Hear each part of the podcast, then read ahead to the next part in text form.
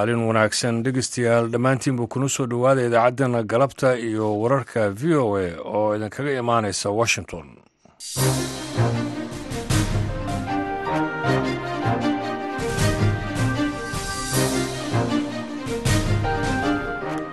waa galab sabtiga bisha februari ee sanadka labada kun iyo saddex iyo labaatankan waa siddeed iyo toban. Waxaad naga dhegaysanaysaan haatan mawjadaha gaagaaban ee lix iyo tobanka iyo sagaal iyo tobanka mitrband iyo bogkeena v o a somaali com. Galabta iyo wararka v o a waxaa idiin soo jeedinaya anigu ibraahim xasan daandure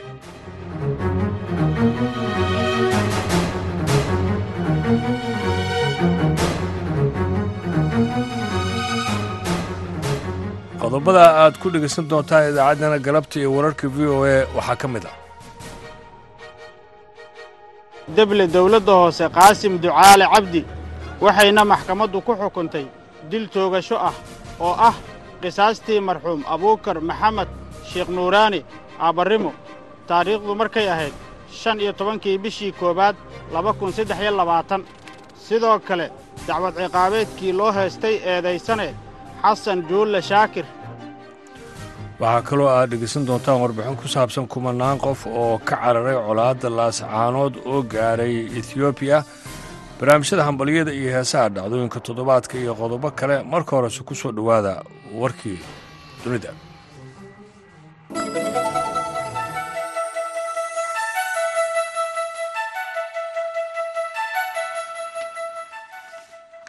militariga kuuriyada koonfureed ayaa sheegay in kuuriyada waqooyi ay maanta soo tuurtay kuna tuurtay dhanka badda gantaal looga shakisan yahay inuu yahay kuwa ridada dheer.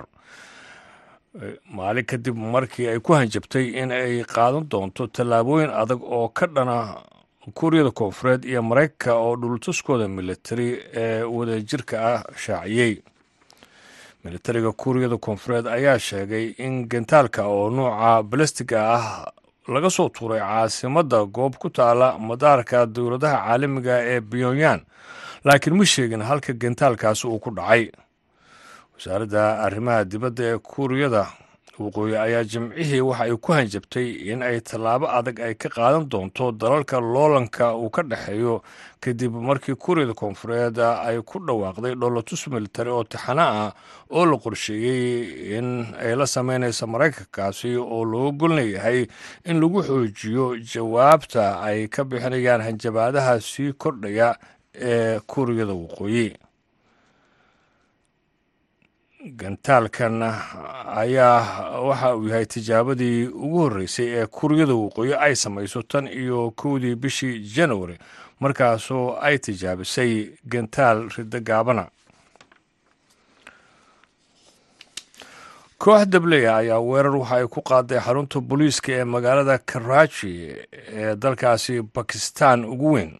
Goobta weerarku uu ka dhacay ayaa waxaa laga maqlayay israsaaseyn xooggan oo saacado qaadatay taasi oo dhex martay kooxda weerarka soo qaaday iyo ciidamada ammaanka ee waddanka bakistan kooxda taalibaanka bakistan ayaa waxa ay sheegatay mas'uuliyadda weerarkaasi iyadoo ku tilmaamtay inuu ahaa howlgal ismidaamina.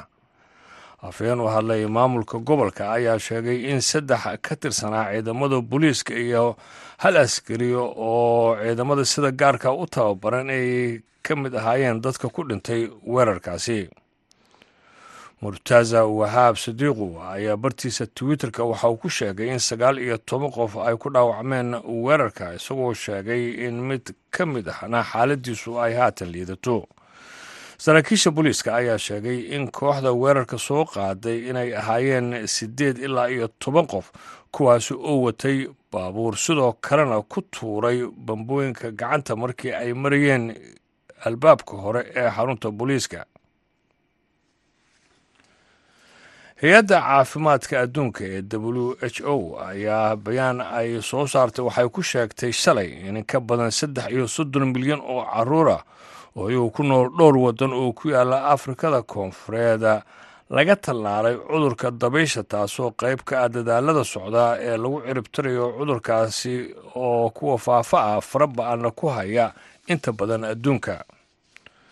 Dalka malawi ayaa waxa uu ka war helay cudurka dabaysha kadib markii ilmo yar oo ku nool caasimadda laga helay bishii februari ee sannadkii hore waana markii ugu horreysay ee cudurkani laga soo sheego afrika muddo shan sana ah fayraska ayaa ku fiday dalka deriska la ah waddanka malawi ee mosambiq taasi oo keentay in dalal kale ee gobolka ahi ay iyagu heegan galaan. Warkiina dhegeystayaal waa naga intaas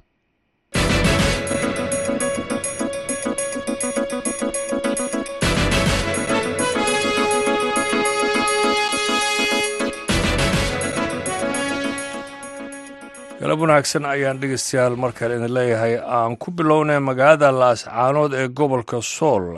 Ayaa colaadda toddobaadyadii ugu dambeeyey ka ogneyd waxa ay iyadu saamaysay ganacsigii iyo noloshii magaalada.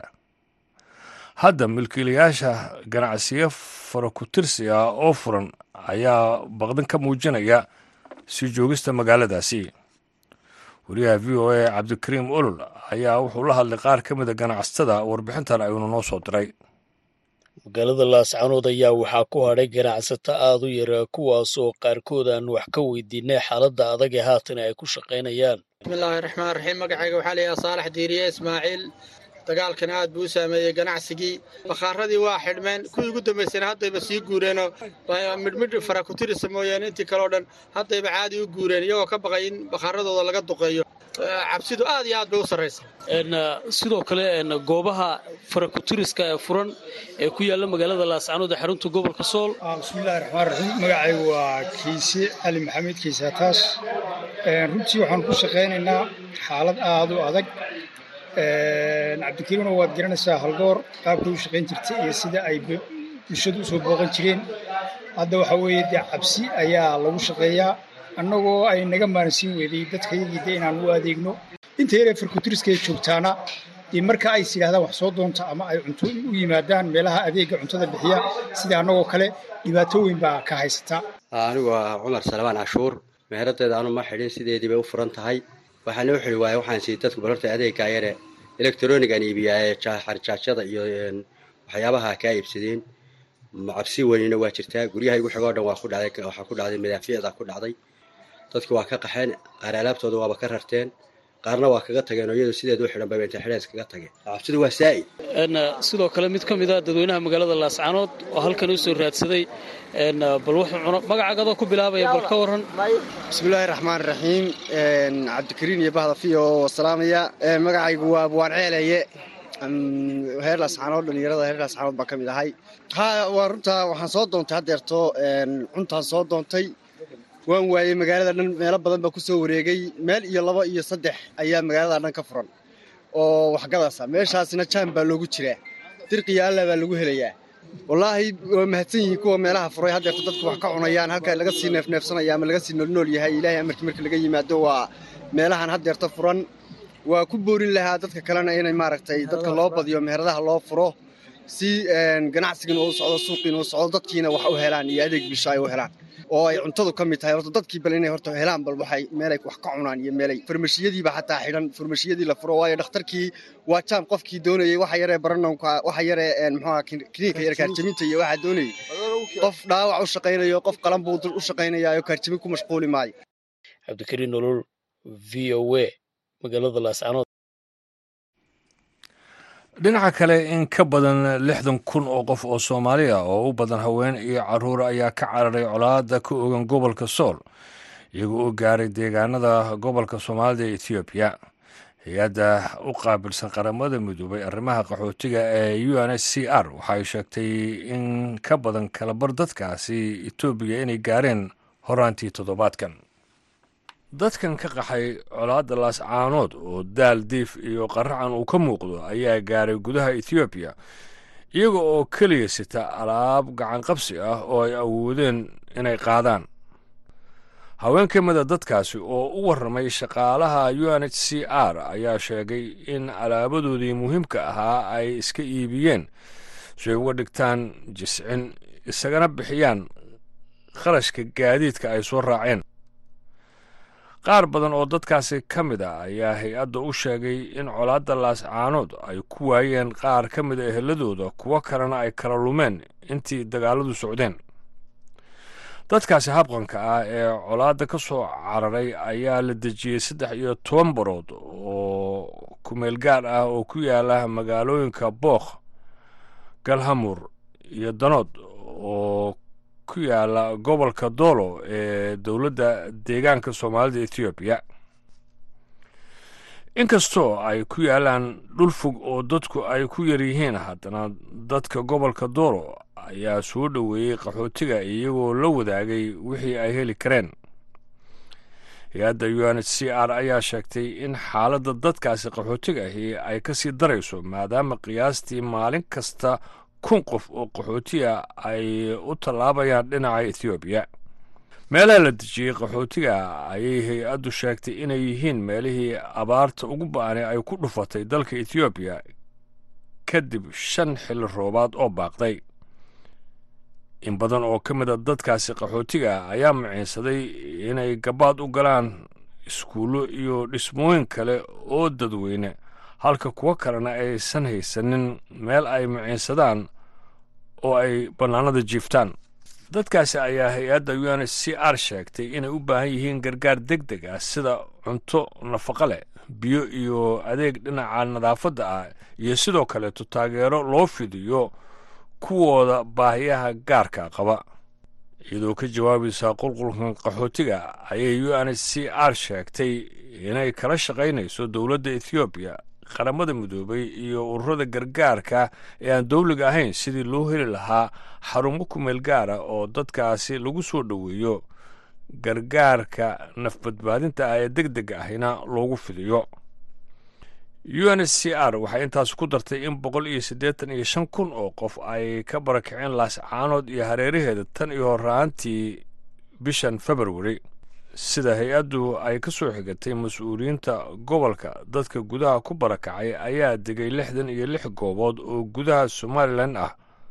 Halka kuwo kalena ay u gudbeen dhinaca puntland iyo tuulooyinka ku yaalla xadka soomaaliya iyo ethoobiya r ayaa ugu baaqday dhinacyada ku lugta leh colaadda gobolka sool in ay xurmeeyaan badbaadada dadka rayadka ah iyadoo dhinaca kalena deeqbixiyaasha weydiisatay in ay maalgeliyaan qarashka ku baxaya taageerada iyo gargaarka bini'aadminimo ee dadkan cusub ee soo barakacay ay u baahan yihiin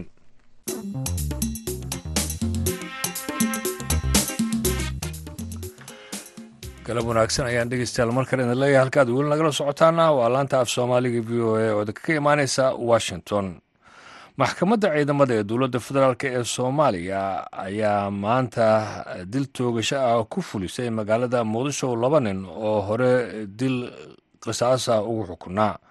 Wariyaheena cabdicaiis barrow ayaa warbixinta ka soo diray muqdisho labada qof ee maanta lagu fuliyey dilka qisaasta ayaa waxay kala ahaayeen qaasim ducaale cabdi iyo xasan joolle shaakir oo horey maxkamadda ciidamada ee dowladda soomaaliya ay dil ugu xukuntay kadib markii garsoorku uu sheegay in lagu helay dil ay laba marxuum oo rayid a ugu kala geysteen degmada xamarweyne ee gobolka banaadir iyo degmada balcad ee gobolka shabeellada dhexe.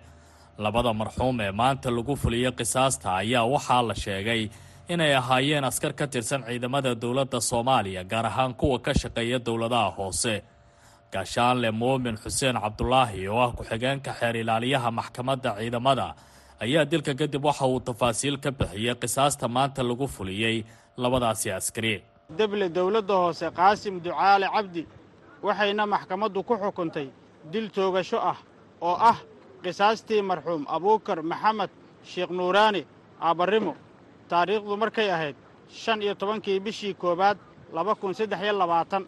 Sidoo kale dacwad ciqaabeedkii loo heestay eedaysane xasan juulle shaakir waxayna maxkamaddu ku xukuntay dil toogasho ah oo ah qisaastii marxuum cali taliye cariif maanta oo ay taariikhdu tahay siddeed iyo tobanka bisha labaad laba kun saddex iyo labaatan waxaa lagu wada fuliyey xukunkii qisaasta ahaa kow deble dowladda hoose xasan juulle shaakir labo. Deble dowladda hoose qaasim ducaale cabdi. Qaar ka mid a ehelada wax loo qisaasay oo joogay fagaarihii uu ka dhacay dilka oo la hadlay warbaahinta ayaa dhankooda soo dhoweeya fulinta amarkii hore uga soo baxay maxkamadda ciidamada ee dowladda soomaaliya. Maanta maxkamadda aad iyo aad aynu qanacsan ninka oo walaalkayga dili abuukar maxamed sheekh nuureeni yaa aragtidiisi ninka dil aragtideeda shanteeda saartay.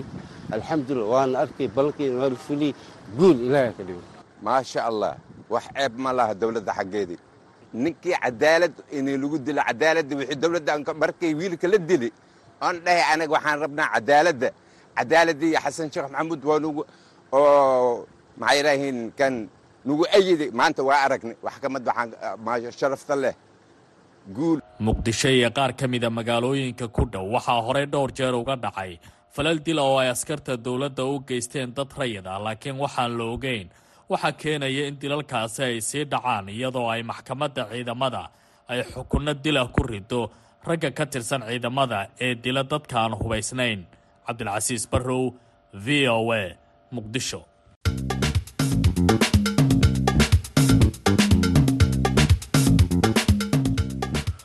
haatana dhegeystayaal waxaad ku soo dhowaataan barnaamijka dhacdooyinka toddobaadka. Waxaa soo jeedinaya cabduqaadir maxamed mursal.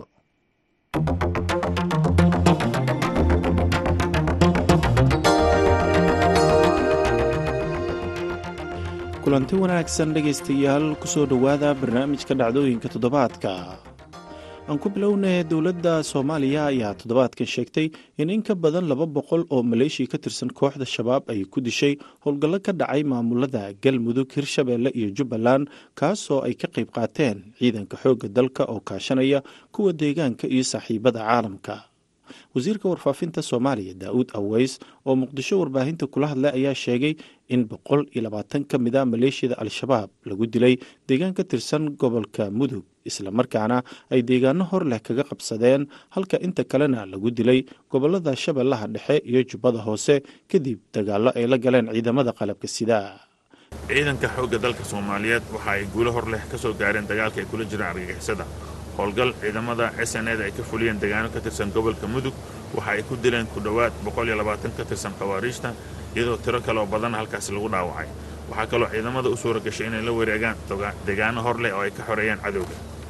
Ciidanka qalabka sida iyo saaxiibada caalamiga ayaa iyana howlgal kale waxa ay ku dileen siddeed iyo toban khawaariij deegaanka sabiid ee gobolka shabeellaha hoose ka tirsan dowlad goboleedka koonfur galbeed soomaaliya khawaariijtan waxay qayb ka ahaayeen koox ka tirsan khawaariijta oo markii hore ku jabay weerar ay doonayeen inay ku qaadaan xero ciidamada s n ay ku leeyihiin deegaanka sabiid dhanka kale ciidanka xoogga dalka soomaaliyeed howlgal waxa ay ka fuliyeen gobolka mudug waxayna gacanta ku soo dhigeen xubin sare oo khawaariijta ka mid a oo magaciisa la yidhaahdo salmaan daadir oo dhanka kale madax ka ahaa qaraxyada lagu dhibaateeyo shacabka. Dagaalqabaha ayaa la qabtay xilli uu gaari ku waday waxyaabaha qarxa iyo dawooyin. Isla howlgallada ciidamada xoogga dalka soomaaliyeed oo kaashanaya daraawiishta galmudug waxay khawaariijta kala wareegeen deegaano ku yaalla dowlad goboleedka galmudug. Howlgalkaasi waxaa ciidamada s n a ay ku dileen ku dhowaad konton xubnood oo ka tirsan khawaariijta arxanka daran ee al-shabaab. Dhinac kalena ciidamada qalabka sida waxa ay fashileen weerar khawaariijtu ay ku soo qaadeen deegaano ka mid ah gobolka jubbada hoose oo ka tirsan dowlad goboleedka jubbaland. Weerarkaasi waxaa khawaariijta looga dilay ilaa iyo toban khawaariij ah guud ahaan howlgallada ka dhacay waddanka toddobaadkii la soo dhaafay waxaa khawaariijta looga dilay in ka badan laba boqoloo qof waxaana xusid mudan in howlgalladan ay ka dhacayeen ilaa iyo afar dowlad goboleed sida jubbaland koonfur galbeed hirshabeelle iyo weliba galmudug. Daawud aweys ayaa dhinaca kale sheegay in madaxweynaha soomaaliya xasan sheekh maxamuud uu shacabka soomaaliyeed ugu baaqay inay dhaqaale ahaan ka qayb galaan howlgallada ka dhanka ah al-shabaab islamarkaana uu qofkiiba hal doolar ugu deeqo dowladda wasiirka warfaafinta ayaa tilmaamay in tallaabada uu ku dhawaaqay madaxweynaha ay tahay mid lagu dardargelinayo howlgallada lagu ciribtirayo al-shabaab iyo in shacabka fursad loo siiyo howlgallada ka dhanka ah kooxda. Inkastoo dowladda soomaaliya ay tallaabadan ka dhanka ah kooxda shabaab iyo howlgallada isdabajoogga ah ay waddo ayaa dhinaca kale waxaa kooxda ay weli weeraro gaadma ah ku qaadaysaa fariisamada ciidamada kuwaas oo saraakiil ciidan ay ku dileen sida horey u dhacday haddaba maxaa la gudboon dowladda soomaaliya si ay uga hortagto arrinkaasi una sii wadato howlgalladeeda ayaan weydiiyey. Cabdiraxmaan tuur yare oo soo noqday taliyihii hay'adda nabad sugidda iyo sirdoonka qaranka. Haddana marka dagaal lagu jiro waad fahmi kartaayo dagaal waa dagaal. Dadka kaa soo horjeeda amba cadowgaad kaa soo horjeeda wuu ka faa'iidaysanayaa meelaha aad u nugushahay. Marka meelaha ay dowladdu u nugushahay oo sida ciidamadu markay meel qabtaan inay isdhigtaan oo kale inay maxaanku difaacyada la xiro waayo in howlgalku uu soco waayo oo magaalo markii la qabto magaalada layska digoon las hore loo socon oo dadkiioo cadowgiioo habaqa oo sii sii baqanaya oo markaas si sahlan meelo badan looga xorey karo aan la sii daba kicin.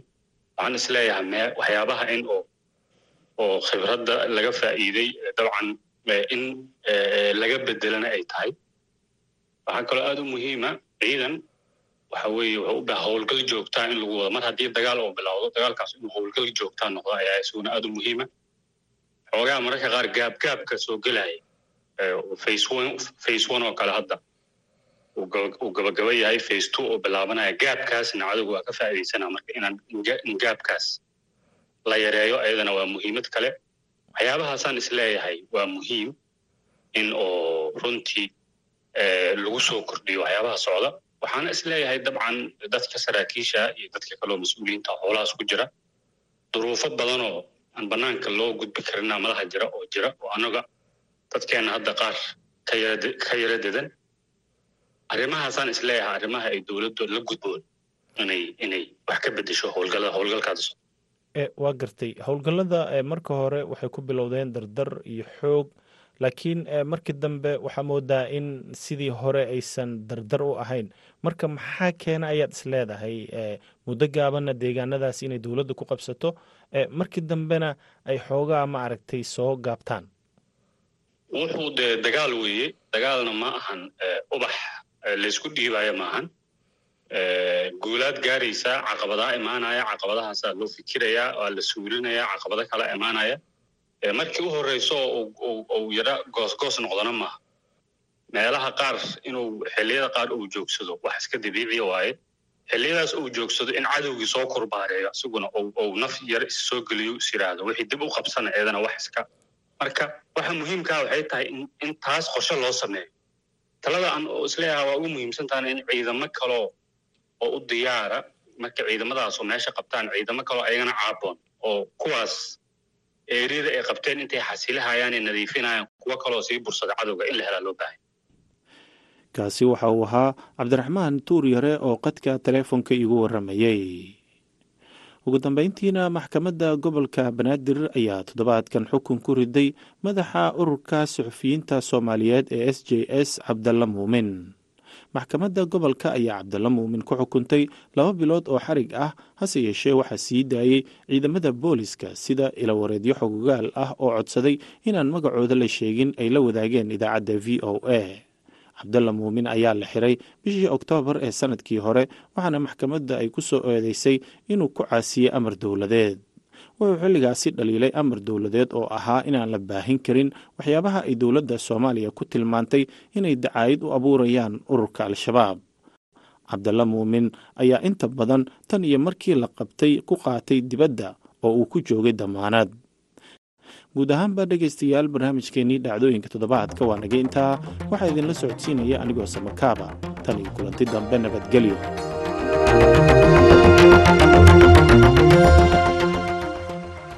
aad ayuu u mahadsan yahay. Cabdiqaadir maxamed mursal oo soo jeedinayay dhacdooyinka toddobaadka. Haatanna waa xilligaan noga barteen barnaamijka hambaliyada iyo heesaha waxaa wajir u soo jeedinaya anigoo ibraahim xasan daanduray iyo ismaaciil farjar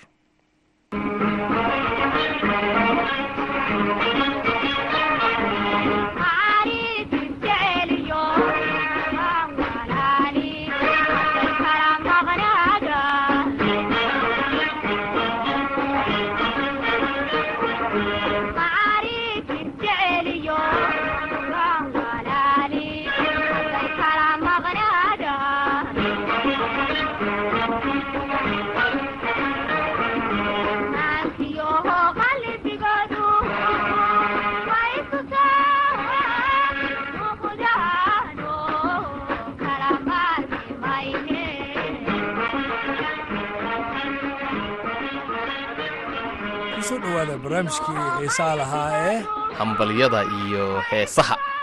Waxaana halkan si wada jira idinka daadahaynaya ismaaciil xuseen farjar. iyo ibraahim xasan daandure. Ibraahim maanta waraaqo kala duwan ayaa gacmaheenna ku jira.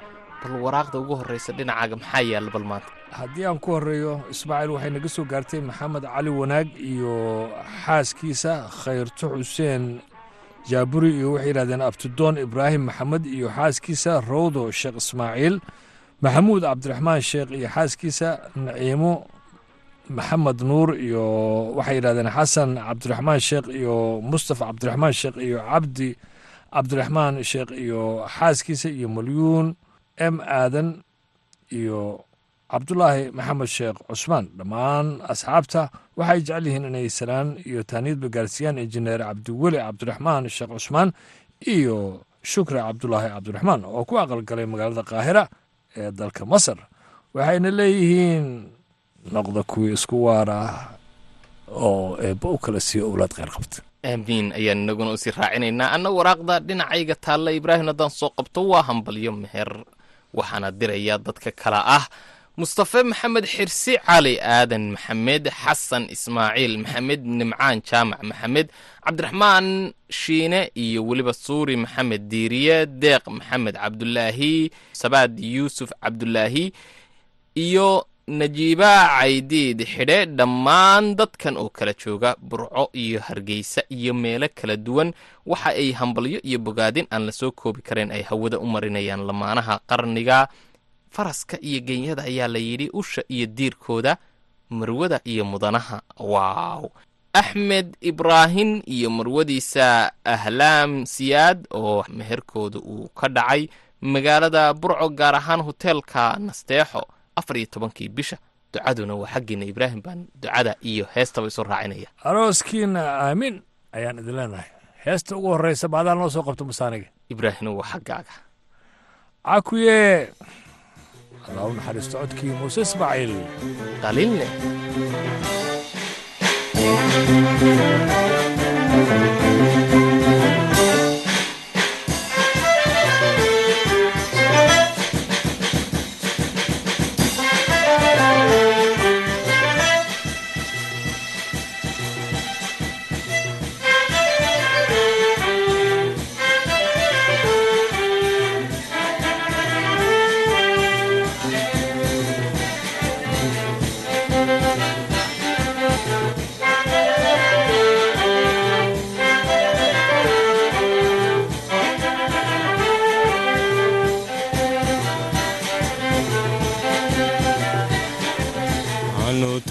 calmadayn kacaashaaqay haween anuutaan calmadayn kacaashaaqay haween cataweyd maahu hilibna muu cuslaynine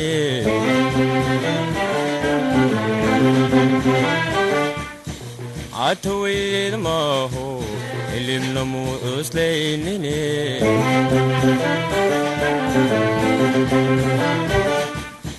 wuxulay madoweyo casandiran maaho wuxulay madoweyo casandiran maaho dereer lagu macaado ilan gaaban maahe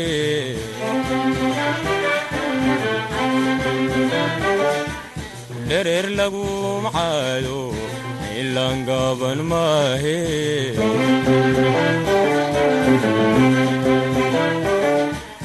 iridiyo bannaan kulul dani ku maceelaan celin iridiyo bannaan kulul dani ku maceelaan celino ciidaan ilqabadlayn cawaaqudha umay hoyaane caku cakuye cagaaglehe cakuye caku didib cagaaglehe waxay canaw ku nooshahay agar weyne iyo hawd shaahda idhiifyadeede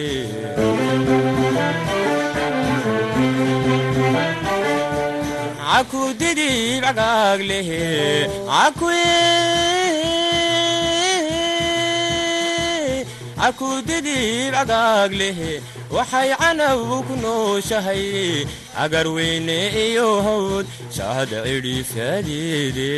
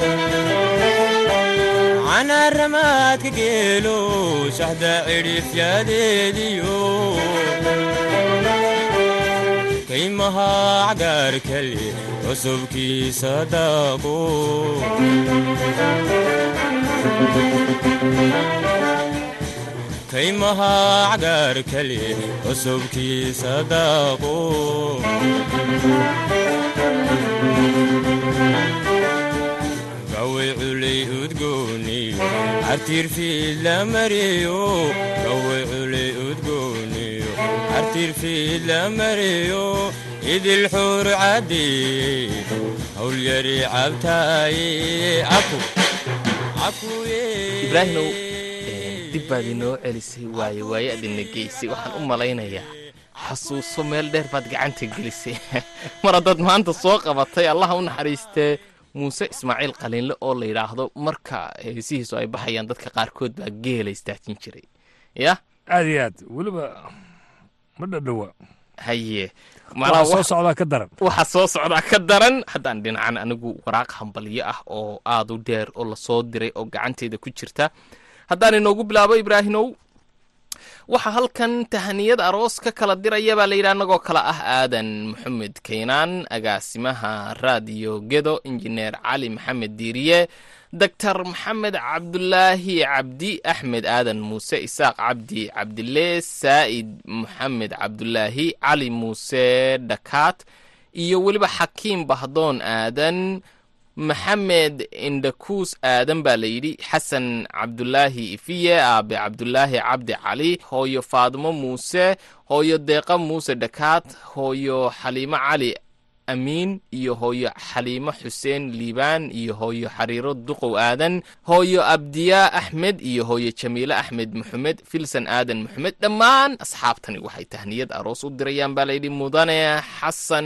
muuse dhakaat iyo marwadiisa xaawo barre cusmaan oo arooskoodu ka dhacay degmada beled xaawo gaar ahaan deegaanka ciidweyne noqda kuwii isku waaraa ubad khayr qaba kala hela. Aamiin aamiin waxaa noo baaqayaa ubax ibraahim maxamed iyo caasho cabdiraxmaan sheekh iyo sacdiye cabdiraxmaan sheekh iyo batuulo sheekh saalax iyo xaliimo sheekh saalax iyo saygeeda colonel tute iyo waxay yidhahdeen caruurtooda iyo nuurto sheekh saalax iyo caruurteeda iyo raxmo sheekh saalax iyo saygeeda cabdinuur cabdi gurey abdi cabdiyow iyo keef sheekh saalax sangaabo isxaaq iyo farxiya cabdiraxmaan sheekh iyo caasho xuseen jaburi iyo guud ahaan reer sheekh cusmaan iyo reer sheekh saalax macalin xamdi cabdirasaaq maxamed iyo fu'aad cabdirasaaq maxamed iyo sharmaarke maxamed yuusuf iyo xanad maxamed yuusuf iyo xuseen macalin xasan loos iyo axmed cali xuseen borow dhammaan waxay jecel yihiin inay taaniyad gaarsiiyaan injineer cabdiweli cabdiraxmaan sheekh iyo shukri cabdulaahi cabdiraxmaan oo arooskooda uu ka qabsoomay magaalada qaahira. Dalka masr ay leeyihiin arooskiina aamiin ee banahida kale si owlad qeyr qabta heesta kale noo soo qabo. Ma dhinacaygaad u soo riixday ibraahim? Adnooxas lahaa heesihii badnaaye ibraahim? Maanta kolayga uu ku sitay. Haye. dhowr ha ku soo qabtay. Haddaad dhinacayga ku soo celisay. Ibraahimna waxaan noo soo qabanayaa. Hee sida layla iyo qays iyo bannaanka cabdi xasan dige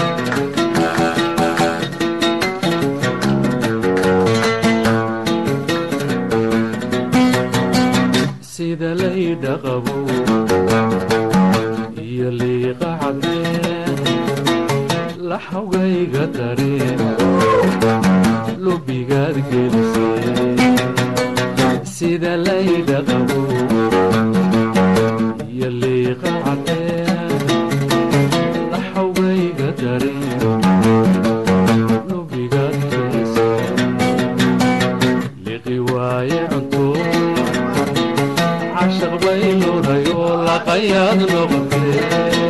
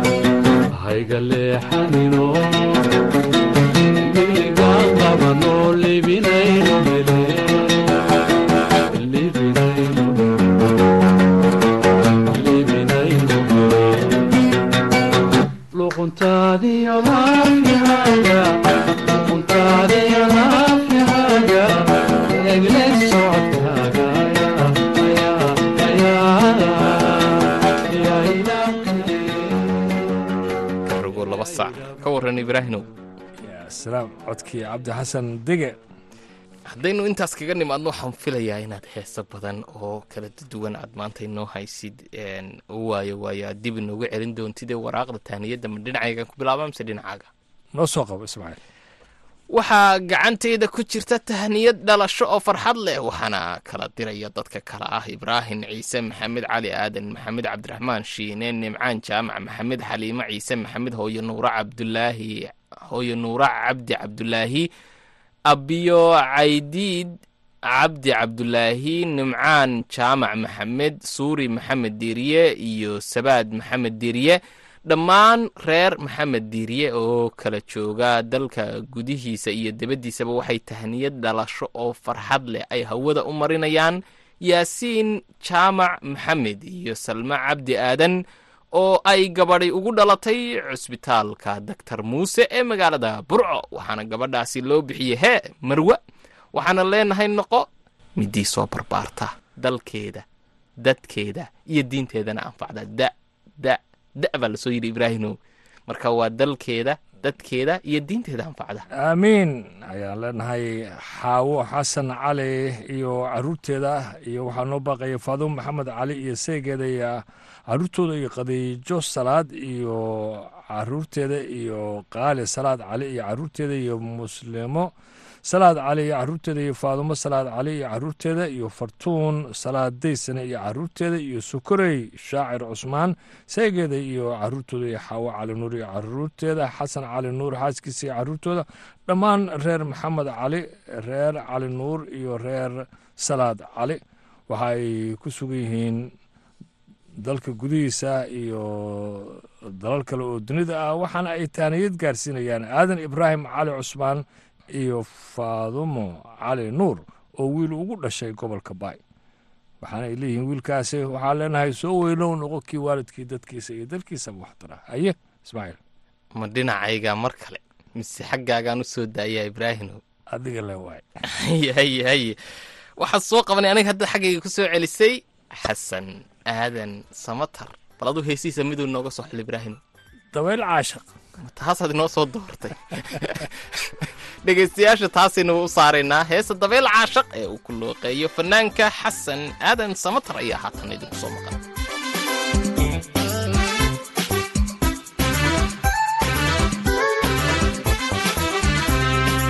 Dabeel caashaq waa sahan dayma aragti waa kulan dariiq waxaa fura hadal dacadnimadu waa u tiir daadihintuu wada jirid.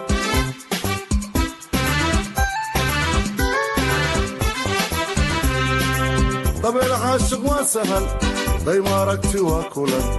Dari waa fura hadal daacadnimadu waa u tiir daadihintuu wada jirid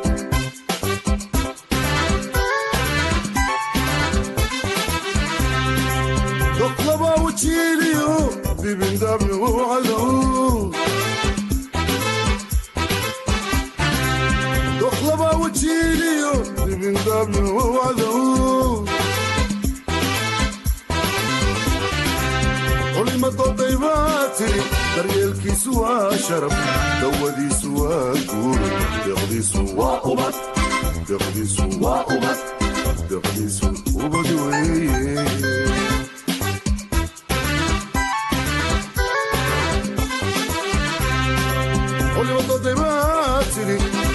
daryeelkiisu waa sharaf dawadiisu waa guur deqdiisu waa ubad deqdiisu waa ubad deqdiisu ubad weeye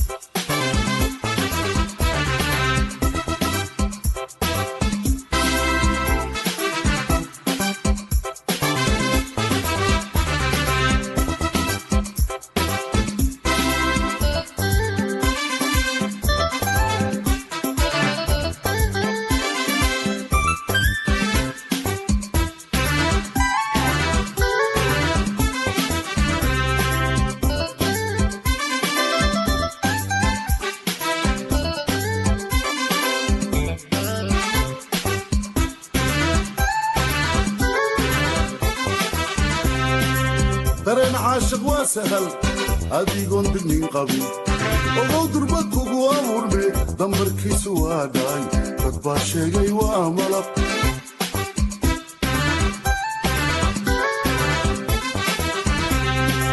Dareen caashiq waa sahal adigoon dignin qabin. Ogow durba kugu abuurme dambarkiisu waa dhaay dad baa sheegay waa malab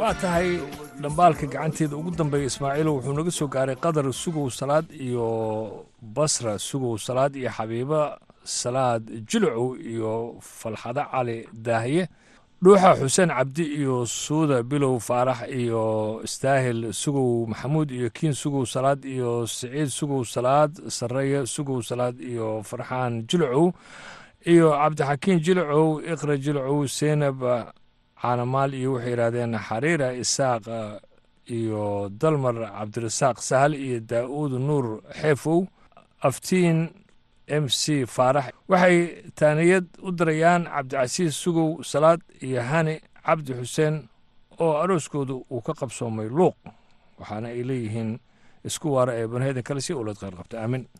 Aamin. Anna waraaqda dhankayga ugu dambaysa waa hambalyo waxaana dirayaa dadkan kala duwan ee kala ah xaliima ibraahim aadan iyo nasra nuur ibraahim maryan nuur ibraahim mulki nuur ibraahim maxamed sheekh cabdulaahi naasir sheekh cabdulaahi ismaaciil rashiid maryan sheekh cabdulaahi iyo dhammaan reer aadan guray iyo reer cali muudey xuseen waxayna hambalyo u dirayaan.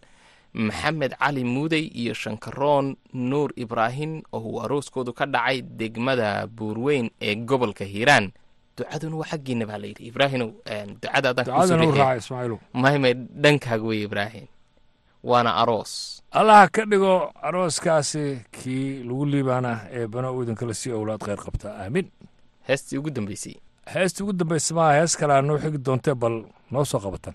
Heesta haddaan inoo soo qabto haatanna dhinacii fanaankaan na soo qabanaya adda bal heesihiisa badan baad miduu nooga soo xili doontaa ibraahimow maryan mursal baan inoo soo qabanaya bal adna heese kala duwan bay leedahay. Qaar fanaaniin bay la qaaday. Qaar keligeed baa qaaday. Bal mid inooga soo qabo heesaheeda mahanaad igu soo reexay adaan kugu soo riixa anna fanaankaa soo qab. Sayn u wada qaybsanno. Ku imid inaabtow. Waan gartay heestaas. Maryan mursal ay ku luuqaynayso. Ayaa haatanna dhegaystayaal idinku soo maqan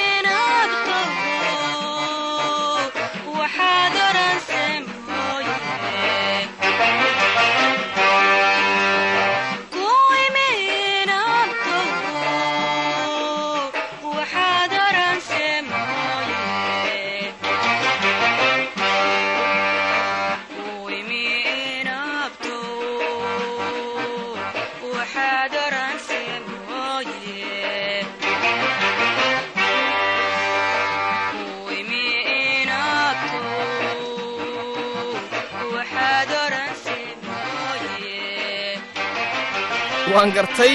Heestaasi maryan mursal ay ku luuqaynaysay haddaan intaas uga nimaadno. Ibraahino horta een, dhegaystayaasha gebagabadii baynu ku sii dhownahay aroosyo iyo weliba mehero iyo welibana tahniyado dhalasho iyo wax walba waa la hambaliyeynayay bal gebagabada haddaad hees xul ah oo jeebkaaga ah oo fanaanka iyo macal heesta aad wada dhegaystayaasha teebaad usu xul lahay waa adigii lahaa barnaamijka bilowgiisii heestii cakuye ee muuse ismaaciil qalinle wale dad badan madaxa waa ruuxi doonaan. Haye tanaa ka daran.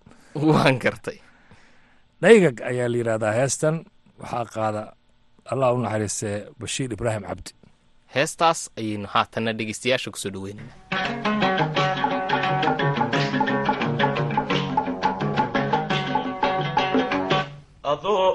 ommani ku dhacay dhibicdu marbay ku dadaa adu so'ontiiba dhigay deeftaadu marbaa tishaa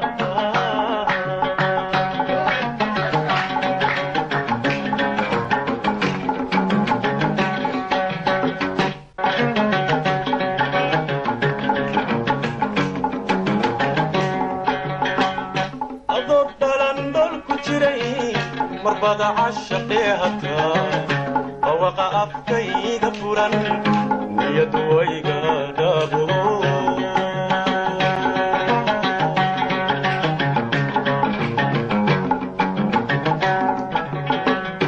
adoo dhalan dhol ku jiray marbada cashaqee hataa bawaqa afkayga furan niyadu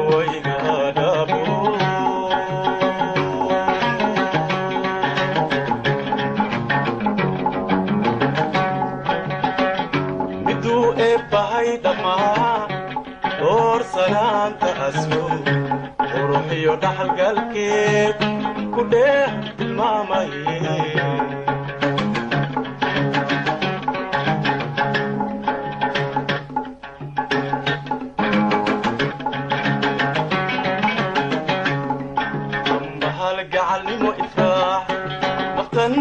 dhaygataa ku dhiibatee jacayl dhankahaaga maxaan ka firi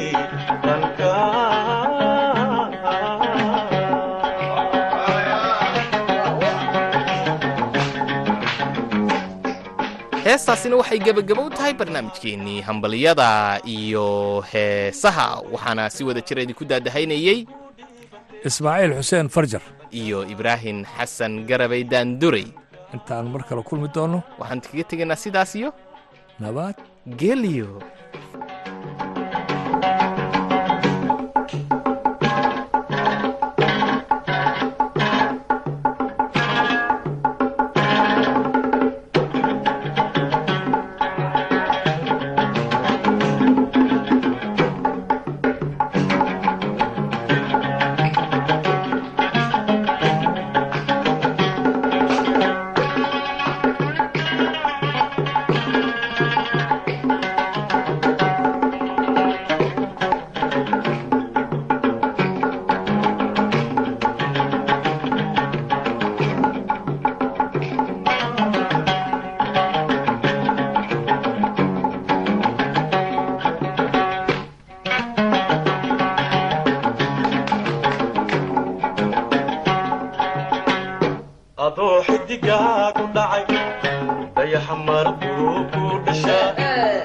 porque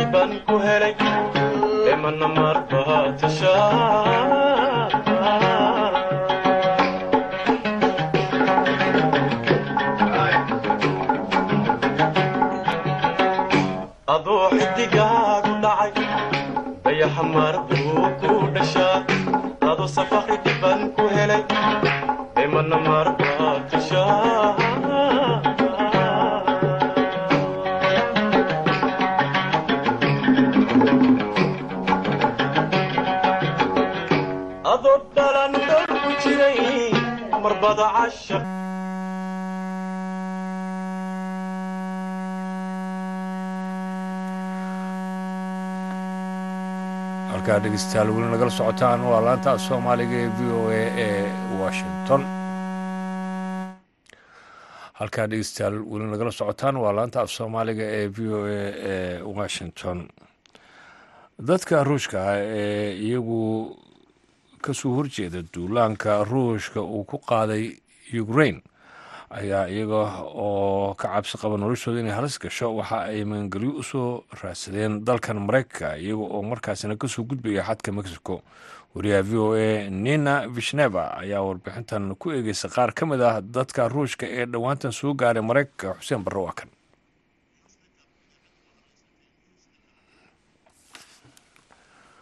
waa tahay dhegeystayaal haddii aan qodobadii warka aan dib idiin xasuusiyo hay'adda caafimaadka adduunka ee w h o ayaa bayaan ay soo saarta ku sheegtay shalay in ka badan saddex iyo soddon milyan oo caruura oo iyagu markaasi ku nool dhowr waddan oo ku yaalla afrikada koonfureed laga tallaalay cudurka dabaysha taasi oo qeyb ka ah dadaalada socda ee lagu ciribtirayo cudurka faafa ee faraha ba'an ku haya inta badan adduunka dalkaasi malawi ayaa waxa uu helay cudurkaasi dabaysha ah kadib ilmo yar markii cudurkaasi laga helay oo ku nool caasimadda bishii februari ee sannadkii hore.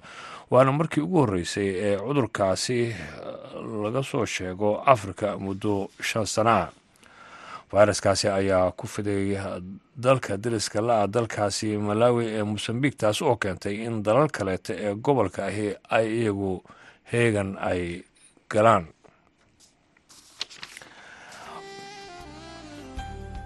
koox dabley ah ayaa waxaa weerar ay ku qaaday xarunta booliiska ee magaalada karaaji ee ugu weyn dalka bakistan goobta weerarku uu ka dhacay ayaa waxaa laga maqlayay rasaas xooggan oo saacad qaatay. Idaacaddeenna dhegeystayaal waa naga intahay sidaa iyo nabadgelyo